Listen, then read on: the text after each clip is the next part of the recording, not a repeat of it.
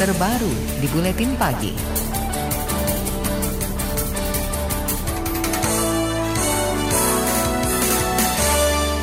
Saudara DPR menargetkan revisi Kitab Undang-Undang Hukum Pidana atau RKUHP disahkan akhir tahun ini. Pengesahan belait tersebut gagal dilakukan DPR periode sebelumnya lantaran derasnya penolakan publik. Wakil Ketua Komisi Hukum DPR Desmond Mahesa mengatakan Dewan tak bakal membahas ulang sejumlah pasal RKUHP yang dinilai bermasalah. Hanya saja DPR akan melakukan penajaman pada bagian penjelasan terkait pasal-pasal bermasalah. Oh, pada prinsip dasarnya kan itu nggak boleh dibongkar. Tidak boleh ada perubahan lagi. Tidak boleh, tidak boleh ada itunya. Cuma tinggal uh, di pasal-pasalnya tidak dibongkar, tapi mungkin di penjelasan dipertajam saja apa yang dimaksud dengan berkaitan dengan itu. Itu tadi Wakil Ketua Komisi Hukum DPR Desmond Mahesa. Sementara itu, anggota Komisi Hukum dari fraksi P3 Arsul Sani mengklaim DPR masih membuka peluang rapat dengar pendapat untuk menerima masukan dari publik. Namun, DPR tidak bisa merombak materi yang sudah disepakati dengan pemerintah. Ia sepakat dengan usulan Desmond yang ingin mempertajam bagian penjelasan untuk menutup celah multitafsir dari pasal-pasal kontroversial. Sejumlah pasal bermasalah antara lain pasal penghinaan terhadap kepala negara, pasal korupsi, pasal aborsi, perzinaan, penistaan agama, hingga pasal hukuman mati dan hukum adat. Anggota Komisi Hukum dari fraksi Nasdem di DPR Taufik Basari menginginkan ada pembahasan lebih dulu sebelum revisi Kitab Undang-Undang Hukum Pidana disahkan. Taufik Basari menilai beberapa pasal masih bermasalah. Bekas aktivis LBH Jakarta ini juga mendorong adanya simulasi penerapan pasal-pasal yang dinilai kontroversial. Meski mendukung pembahasan ulang, Taufik sepakat RKUHP bisa diketok pada akhir tahun ini. Revisi Kitab Undang-Undang Hukum Pidana atau RKUHP merupakan salah satu rancangan undang-undang bermasalah yang ditunda pengesahannya oleh DPR periode lalu. Pengesahan RKUHP ditunda setelah gelombang protes dari publik terutama elemen mahasiswa di berbagai daerah pada akhir September 2019.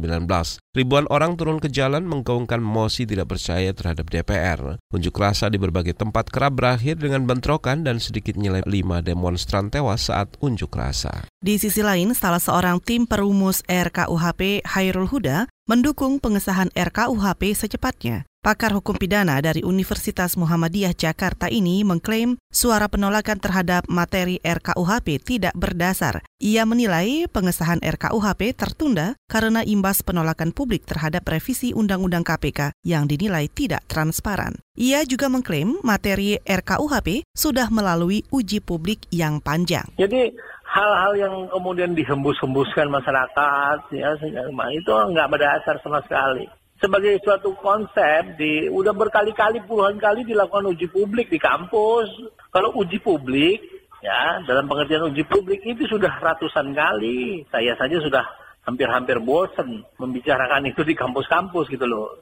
Tapi kalau sosialisasi mestinya disahkan dulu menjadi undang-undang baru disosialisasikan. Yang disosialisasikan adalah yang yang telah menjadi undang-undang itu baru benar. Salah seorang anggota tim perumus RKUHP Hairul Huda menambahkan, jika diketok RKUHP baru tak bisa langsung diterapkan. Ia menyebut DPR dan pemerintah juga harus merevisi Kitab Undang-Undang Hukum Acara Pidana atau KUHAP terlebih dulu. Ia juga memperkirakan KUHP baru ini paling cepat diberlakukan lima tahun lagi setelah KUHAP disahkan dan rampungnya masa sosialisasi. Aliansi Nasional Reformasi KUHP dari masyarakat sipil meminta agar DPR dan pemerintah membahas ulang pasal-pasal bermasalah dalam revisi Kitab Undang-Undang Hukum Acara Pidana atau RKUHP. Perwakilan aliansi dari lembaga ICGR Genoveva Alicia mengingatkan jika DPR nekat mengesahkan RKUHP tanpa pembahasan, maka gelombang penolakan publik akan muncul kembali. DPR dan pemerintah nggak mau penolakan yang sama dari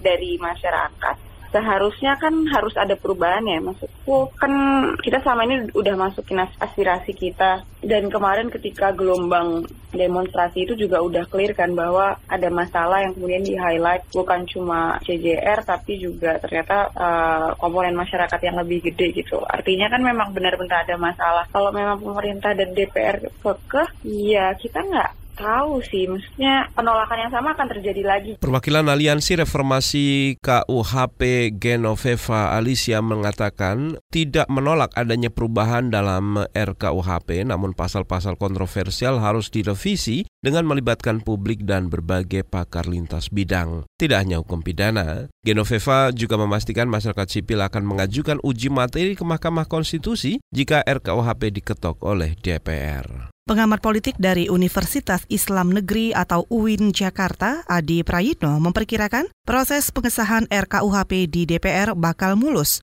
Adi berkaca pada revisi Undang-Undang KPK yang lebih dulu disahkan dan minim gejolak. Maka RUKUHP pun juga akan mulus, karena nyaris tidak ada yang protes kan di Senayan.